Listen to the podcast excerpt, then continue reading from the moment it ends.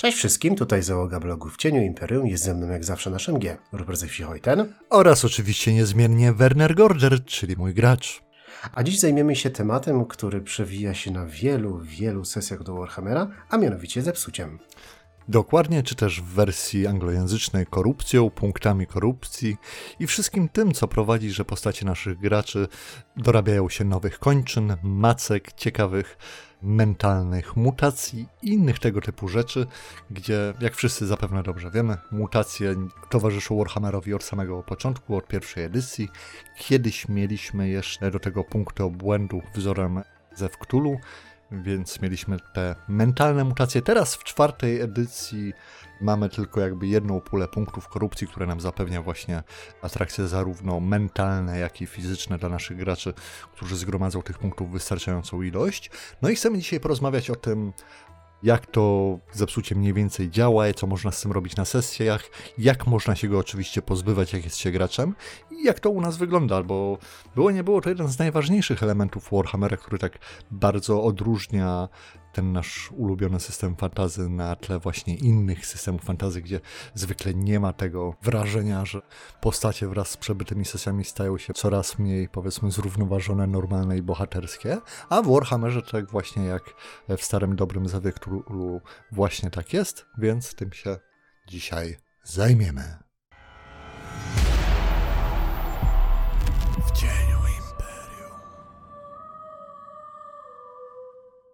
Dokładnie tak, dobrze, że przywołałeś Zew Cthulhu, bo Zew Cthulhu jest kolejnym takim dość oldschoolowym systemem, który również zachował do tej pory mechanikę, która sprawia, że z czasem postaci są, no, nie powiem coraz mniej grywalne, ale powiem inaczej, ciekawsze do grania. To znaczy, w Warhammerze zaczynamy postaciami, które żadnych punktów zepsucia nie mają, no ale generalnie spotykając na swojej drodze życiowej coraz to potężniejszych przeciwników, którzy bardzo często no, wykorzystują tą mroczną magię, wykorzystują spaczeń i tak dalej, i tak dalej, albo w ogóle są demonami, no to coraz trudniej sprawić, żeby, nasze, żeby to, co spotykają nasze postacie, nie oddziaływało w jakiś sposób na nie. Tak, to jest to słynne, prawda, kiedy wpatrujesz się w otchłań, ona wejrzy w ciebie. No i to rzeczywiście odwołuje się jak najbardziej do tego, co znaliśmy z prozy właśnie Lovecrafta, gdzie jego bohaterowie też często stawali naprzeciw rzeczy, których nie byli w stanie zrozumieć, które samą swą istotą, tak na dobrą sprawę, potrafiły wprawić ich w przerażenie i doprowadzić do utraty zmysłów, czegoś takiego. Zresztą tam też tych kwestii e, zmiany właśnie fizycznej i no de facto mutacji, bo tak byśmy to nazwali z perspektywy Warhammera, troszeczkę było z tymi wszystkimi ryboludźmi. No i właśnie w Warhammerze, sam jak zresztą mówisz, rzeczywiście tam na początku ta korupcja wydaje się taka relatywnie mało groźna, bo coś tam dorzuci ci się parę punktów, kiedy właśnie walczysz z kultystami, czarodziejami czy innymi demonami. No ale jakiś bufor bezpieczeństwa jest, zaczyna się robić ciekawie, kiedy zaczynamy dochodzić do limitu tego buforu, czyli kiedy kolejne punkty korupcji już mogą właśnie zmuszać bohatera gracza do tego, żeby był jakiś rzut na tabelkę mutacji, żeby coś się tam zaczęło pojawiać, prawda? I to jest ten moment, gdzie ta mechanika, która z początku jest ledwie zauważalna na sesjach i jest chwilową nieprzyjemnością, na którą się nie zwraca aż tak dużej uwagi, zwłaszcza jak jeszcze jest się początkującym miłośnikiem systemu, no to potem zaczyna nam wychodzić troszeczkę na pierwszy plan, bo się okazuje, że ta wychuchana postać od kilkudziesięciu sesji nagle może no stracić wszystko na dobrą sprawę. Chociaż też niekoniecznie, bo to zależy. Tak, a potem od strony gracza, tutaj mówię z perspektywy czwartej edycji, pakuje się wszystkie możliwe punkty, wytrzymałość i siłę woli, ponieważ bonusy z wytrzymałości i siły woli, sum, suma tego daje ten właśnie bufor, więc jak podwyższy się jedno, to wtedy wzrasta. Jednak bądź co bądź przekroczenie tej granicy nie jest niczym dobrym. Inaczej. Przekroczenie tej granicy sprawia, że bogowie chaosu nagle zaczynają cię dostrzegać i postanowią w jakiś sposób nagrodzić. Problem polega na tym, że z perspektywy postaci szanse na to, że ta nagroda będzie w jakiś sposób pożyteczna albo chociaż średnio szkodliwa są bardzo małe. Tak, można dostać na przykład plus 10 do fellowshipa i być wyjątkowo piękną postacią, no ale jest to bardzo, ale to bardzo mało prawdopodobne. Dużo bardziej prawdopodobne są wszelkiego rodzaju koszmary, macka albo nie wiem, wielkie oko. Co nie pomaga takiej postaci we wpisaniu się w społeczeństwo imperialne, czy w ogóle szerzej społeczeństwo Starego Świata. Co prawda, jednocześnie tworzy to bardzo, ale to bardzo ciekawe zagwozdki i w ogóle zahaczki na resztę kampanii, na przykład, nie wiem, jak pozbyć się tej mutacji, albo gdzie znaleźć lekarza, który przeprowadzi operację usunięcia tego czegoś i nie donieść łowcom czarownic. No ale tak, no to nie jest coś, co zwykły poszukiwać przygód chciałby mieć. E, tak, zresztą tutaj sam podręcznik nam mówi, że należy z tym uważać, zwłaszcza jeżeli mamy nowych w settingu graczy, ponieważ no, mutacje, zwłaszcza fizyczne, jeżeli będą odkryte, bardzo często są de facto w takim przynajmniej imperialnym środowisku wyrokiem śmierci. No i tyle po prostu. To nie ma tam, prawda, jakiejś wielowymiarowości tego. Wiadomo, że są przykłady i przykłady tych mutacji, są różne miejsca w Imperium. No, niemniej jednak, no, z założenia mutantom w Imperium dobrze nie jest, przynajmniej z perspektywy prawa i ludzi, którzy, prawda, wierzą... Znaczy prawota mają egzekwować. To jak się tam na to zapatrują różne wydarzenia z kampanii wewnętrznych wróg, to inna kwestia. Zresztą tutaj też bym dodał, miałem takie przemyślenie a propos same, samej kwestii nabywania tych pierwszych punktów korupcji czy punktów zepsucia.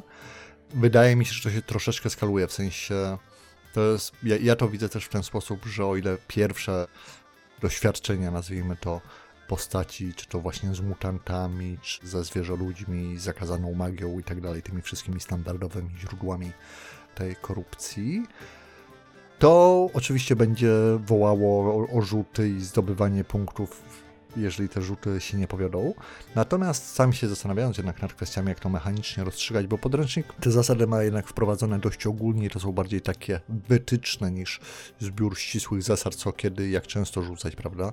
Bo wiadomo, że no inaczej chcemy to rozegrać, jeżeli gracze rzeczywiście wchodzą do, nie wiem, wieży demonologa na jedną noc w pełni Morsliba i wtedy spodziewamy się, że będą jakieś rzuty. A inaczej jak na przykład teraz w naszej kampanii się dzieje, gdzie gracz podróżują przez Musylią, przeklętą prowincję, prawda, w Bretonii, no i z założenia będą tam spędzali jakiś czas. Co więcej, są tam ludzie, którzy też zamieszkują de facto przez całe życie tę przeklętą prowincję, czy raczej baronia. No i też wiemy, że te mutacje, prawda, to nie jest tak, że jest taka sztywna wykładnia, że nie wiem, w takim miejscu musisz co dzień czy co tydzień rzucać, bo albo mutujesz. Bo no też wiemy, że w fikcji świata nie do końca tak działa. W sensie to zależy, które konkretne przykłady, czy to z przygód, czy z podobnych rzeczy sobie weźmiemy. No ale skoro wiemy, że są całe plemiona mutantów, czy wioski, które tam powiedzmy współdziałają ze zwierzoludźmi i one cały czas nie mutują bardziej ze względu na bliskość do innych mutantów, to nie chcę powiedzieć, że się tworzy coś takiego, że ta mutacja nigdy nie postępuje dalej, bo uważam, że Warhammerowo ona zawsze musi iść do przodu, ostatecznie rzecz biorąc, a to pójście do przodu może być bar bardzo, ale to bardzo rozwleczone w czasie, no i czasami może też na swój sposób się troszeczkę cofać, prawda? Przynajmniej ta, tak ja to widzę, jak próbuję sobie ułożyć te mechaniczne i fantastyczne wizje Warhammerowe. To ciekawe, że tak mówisz, bo ostatnio jednego dnia zdobyłem dwa punkty zepsucia. Ale nie o to chodzi. znaczy, jednego dnia gry, nieważne. Ale nie o to chodzi. Chciałem tutaj tylko zwrócić uwagę na to, że to właściwie nawet lepiej, jeśli jest rozciągnięte w czasie, bo lepiej oddaje to, że że to jest podstępne. To zepsucie nie pojawia się jednego dnia i postać nie mówi, a od dzisiaj bardzo lubię Slenesza, w związku z czym zapraszam na ucztę. Nie, to jest podstępne, to jest rozwijane w czasie, to się zmienia, to eskaluje, a jednocześnie, wiesz, ten współczynnik, współczynnik, a jednocześnie te punkty, które mamy na karcie postaci mogą nam w pewnym sposób podpowiadać, jak bardzo nasza postać może nie do końca chcieć przestrzegać reguł danego społeczeństwa. Najprostszym przykładem tego będzie w jaki sposób podchodzić do, dajmy na to przeciwnika, bo o ile taki początkujący poszukiwać przygód, kiedy ma przed sobą jako przeciwnika człowieka, nie powinien na dzień dobry chcieć go zabić, to postać, która dochodzi już do tej granicy, to zabicie tego kogoś mogłoby być całkowicie sensownym czynem w jego konkretnej sytuacji. To znaczy, on już będzie naginał te zasady, będzie tłumaczył się, że to jest, że to było w samobronie, a potem przestanie się w ogóle tłumaczyć w samobronie. To będzie dlatego, żeby nas nie wykryli, bo jak on ucieknie, to on opowie swoim kamratom o nas. Wiesz, jest milion sposobów na to, żeby rozwiązać taką sytuację, nie zabijając tego przeciwnika, tego człowieka. Bo ja tutaj nie mówię o zielonoskórych, nie mówię tu o zwierzoludziach i tak dalej, tylko o takich, wiesz, jednak bądź co bądź, nawet bandyty w jakimś stopniu jest częścią społeczeństwa. Tak, nawet złodziei i bandyci ponoć mają matki. Braci, siostry, dzieci. Tak, podobno. W każdym razie, wiesz o co mi chodzi, że to też może być ciekawy wskaźnik, który może pomóc nam zdecydować, co nasza postać w danej sytuacji powinna zrobić.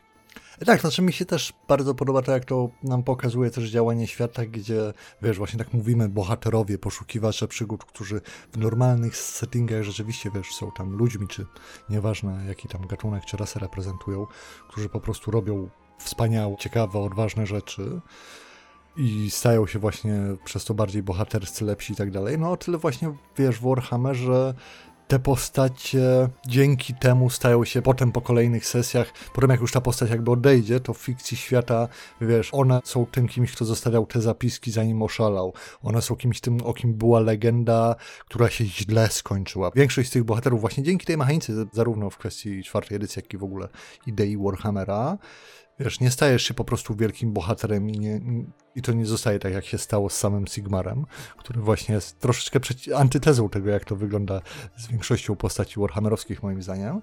Tylko właśnie, wiesz, one coś robią, rzeczywiście wychodzą poza nawias normalnego społeczeństwa, robią coś bohaterskiego, dzielnego, ale też szalonego, niebezpiecznego no i jeżeli będą to robiły rzeczywiście wystarczająco często albo będą miały wystarczająco dużo pH, no to się pokazuje, dlaczego to jest niebezpieczne, prawda? To nie jest tylko tak, że możesz zginąć, tylko że no, zostaniesz zniszczony i wypaczony przez chaos, ostatecznie wbrew swoim najlepszym zamiarom czy intencjom, bo to nie jest ważne, jak dobrze chcesz coś zrobić, to ten świat jest jednak na tyle, wiesz, zły i niesprawiedliwy, że nawet te najlepsze jednostki potrafi no, zmienić w coś, co potem może stać się najgorszymi jednostkami. Myślę, że to jest bardzo fajny element tej fikcji Warhammerowej. Tutaj też mi się przypomina popularna nie tak dawno temu gra Darkest Dungeon i też ten system, że ci najbardziej wspaniali wykokrzeni, mający najwięcej podatków bohaterowie, są jednocześnie najbardziej złamani, najbardziej dziwni i tak dalej, i tak dalej. Więc to moim zdaniem zatacza ciekawy łuk narracyjny w porównaniu tej klasyki, że tylko idziemy do góry, jesteśmy coraz lepsi, coraz bardziej bohaterscy. Wiesz, w prawdziwym świecie to bardzo przypomina to, co często się dzieje z weteranami wojennymi. To znaczy te przeżycia, których doświadczyli na froncie, no potem, kiedy wracają tak ogólnie powiem, na łono społeczeństwa, wcale nie pomagają w tym społeczeństwie znowu funkcjonować. I wcale się dla nich nie do końca dość taki powrót może dobrze skończyć. No. I często się wcale nie kończy. Dokładnie, czy też wracając do fikcji i słynnego tekstu Harvey'a Denta z Batmana, że albo umierasz bohaterem, albo wystarczająco długo się trzymasz, że stajesz się tym złym. No, ale stawanie się tym złym to jedna część. Jednak Warhammer daje nam tutaj w czwartej edycji pewne narzędzia, żeby korupcję postępującą, to postępujące zepsucie w jakiś sposób wyhamować, a na swój sposób nawet troszeczkę zatrzymać i odwrócić, co też jest kolejną jakby elementem tej drogi, prawda, i może być kolejną fajną warstwą narracyjną, gdzie pomijając właśnie podnoszenie odpowiednich współczynników, aby zwiększyć sobie ten bufor tak czysto mechanicznie ze strony gracza, no to są tak naprawdę dwie rzeczy, które gracze mogą zrobić, żeby jednak pozbyć się tych niechcianych punktów zepsucia. Jedna z nich to jest poszukanie absolucji, zbawienia de facto. Ale to byłoby za proste albo za trudne dla naszych y, przeżartych y, korupcją graczy. E, tak, to znaczy no podręcznik nam też... I postaci też. Też sugeruje, że to nie jest tylko takie proste na zasadzie to ja teraz pójdę do tam kaplicy, wpłacę pieniądze i już jest ok, te macki czy punkty zepsucia znikną, tylko rzeczywiście wymaga wiele, prawda? To jest albo walka z chaosem, która jednocześnie sama daje szansę na kolejne punkty zepsucia psucia, więc to jest takie bardzo ryzykowne.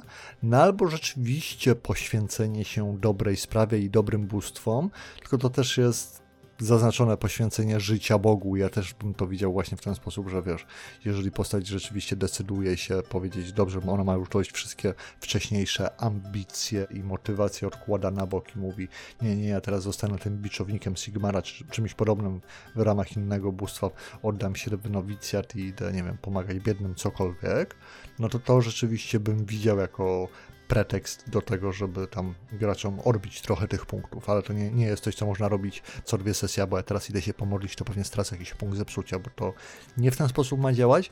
No i też moim przynajmniej zdaniem to nie jest mechanika, która ma służyć do tego, żeby móc jakby wyzerować postać z punktów zepsucia, tylko pozwolić nam narracyjnie, prawda, je zatrzymać na jakiś czas, troszeczkę je powstrzymać, a wiesz, to troszeczkę jak z tymi krytykami w Warhammerze. Te naprawdę groźne rzeczywiście zostawiają stałe ślady, wady i podobnego typu rzeczy. To Warhammer właśnie tym się odróżniał od takiego typowego high fantasy, że nie wszystko, co złe się wydarzyło, można wrócić. Przynajmniej w mojej opinii oczywiście. Tak, to jest jedna opcja, dzięki której można jakby poluzować ten uścisk mrocznych bogów, w którym trzymają duszę naszych postaci.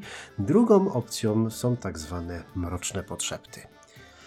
One są generalnie bardzo, ale to bardzo ciekawym mechanizmem, jaki mamy w czwartej edycji. I tak właśnie całkiem nowoczesnym, jak na taki, prawda, stary, było nie było system Warhammera z tymi wszystkimi kasetkami i tak dalej, z takim starym podejściem do RPGów, bo jak nie graliście w nową edycję, to w czwartej edycji działa to w ten sposób, że w pewnych sytuacjach AMG może graczowi szepnąć zrób to albo nie rób tego i stracisz punkt korupcji. To zazwyczaj chodzi o takie rzeczy, tam podręcznik podaje przykłady, żeby właśnie pozwolić uciekającemu przeciwnikowi rzeczywiście uciec, żeby go tam nie dobijać, nie posyłać za nim strzały, jest coś tam w stylu zasnąć na warcie, albo tam przypadkowo podczas walki ranić jednego ze swoich sojuszników, domyślnie zapewne innych bohaterów.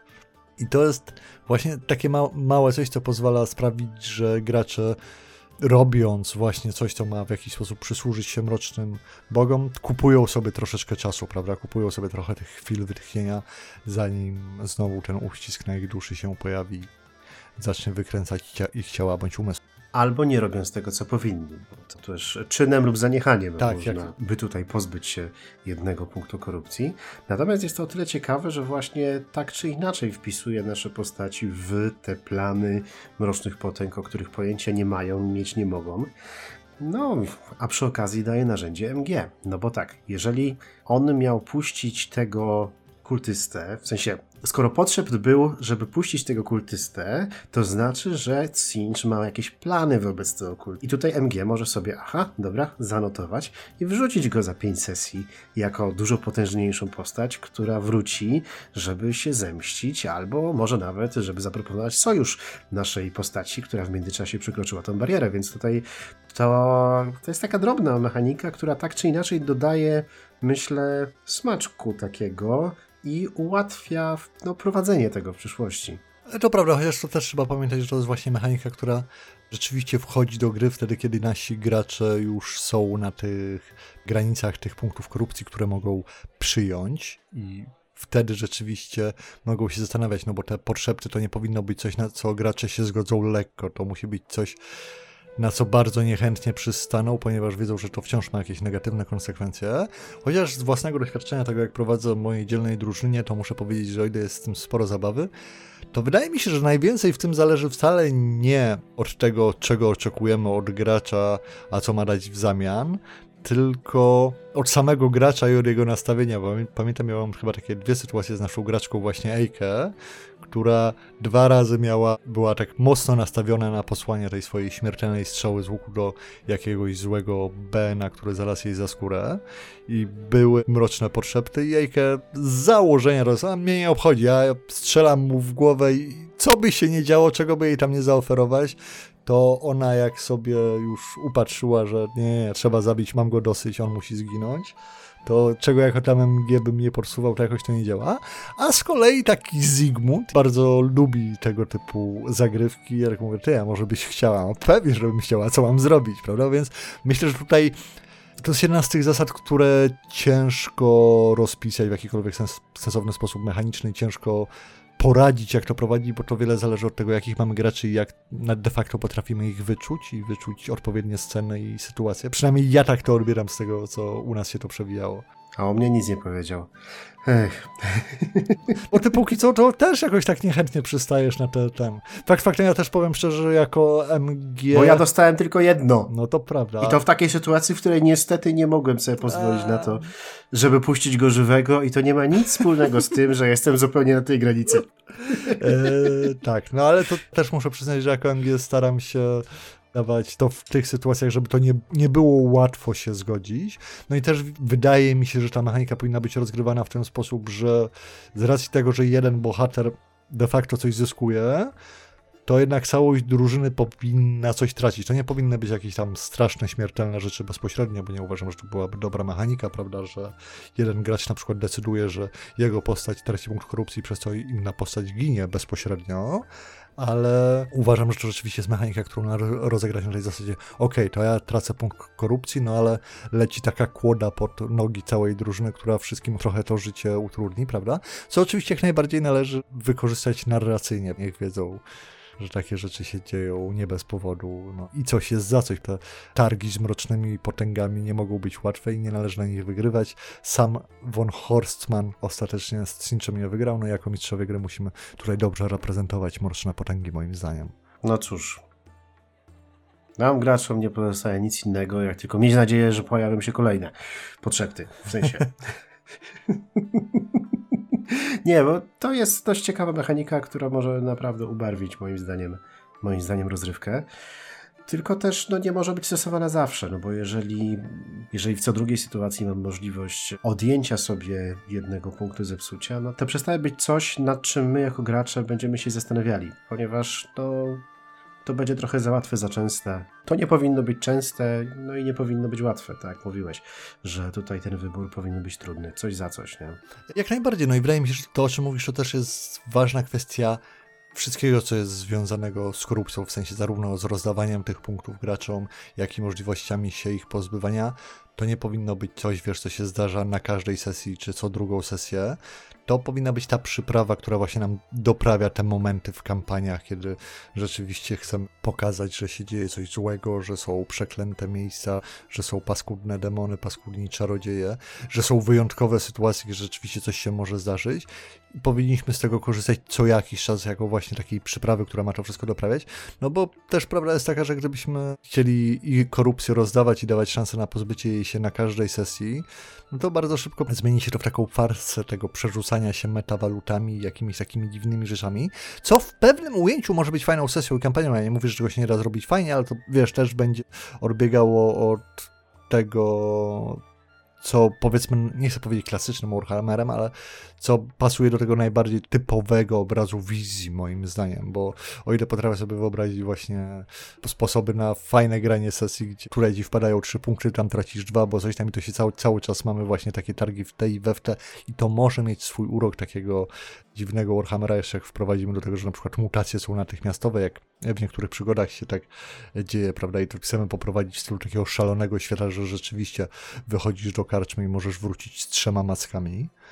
To może mieć swój urok, to może być fajne do zrobienia, ale myślę, że to musi być, wiesz, powiedziane dla wszystkich, że wszyscy wiemy, że okej, okay, bawimy się teraz w specyficzny sposób, to będą specyficzne sesje, takie jak to są te, kiedy gramy z kawenami, na dzieciach Rogatego Szczura z drugiej edycji, jakbyśmy chcieli pograć z kinkami właśnie jeszcze teraz w lustry czteroedycyjnej, to są to rzeczy, z których najbardziej uważam, że można korzystać i wyciągnąć z tego coś fajnego, no ale to już odchodzimy jednak od takiego stricte kanonu, bardzo konkretny typ narracji. Tak, natomiast w takim mainstreamowym Warhammerze to chyba raczej nie powinno się pojawiać to za często, bo wtedy spowszednieje, a tego byśmy nie chcieli. Natomiast na pewno chcielibyśmy się dowiedzieć, jak to wygląda na waszych sesjach, niezależnie od tego, czy jesteście graczami czy mistrzami gry, więc śmiało podzielcie się wszystkimi informacjami a propos właśnie i zyskiwania, i tracenia korupcji w komentarzach. Dokładnie. Zapraszamy też Was na naszego Discorda, na którym punktów korupcji nie roz... nikt nie rozdaje. Ale i tak wiele, wiele osób je zdobywa, jak to czyta. Oraz oczywiście zapraszamy na nasz Patronite, bo jeżeli istnieje jakiś jeden skuteczny sposób odparcia mrocznych potęg, to jest wspieranie naszego kanału, więc dzięki wielkie naszym patronom za to, że z nami są i zapraszamy do tego zaszczytnego grona. A my się z Wami żegnamy i odchodzimy w mrok. Ze światełkiem nadziei w naszych sercach nieść słuszną sprawę chwałę Imperium dalej. Trzymajcie się, cześć.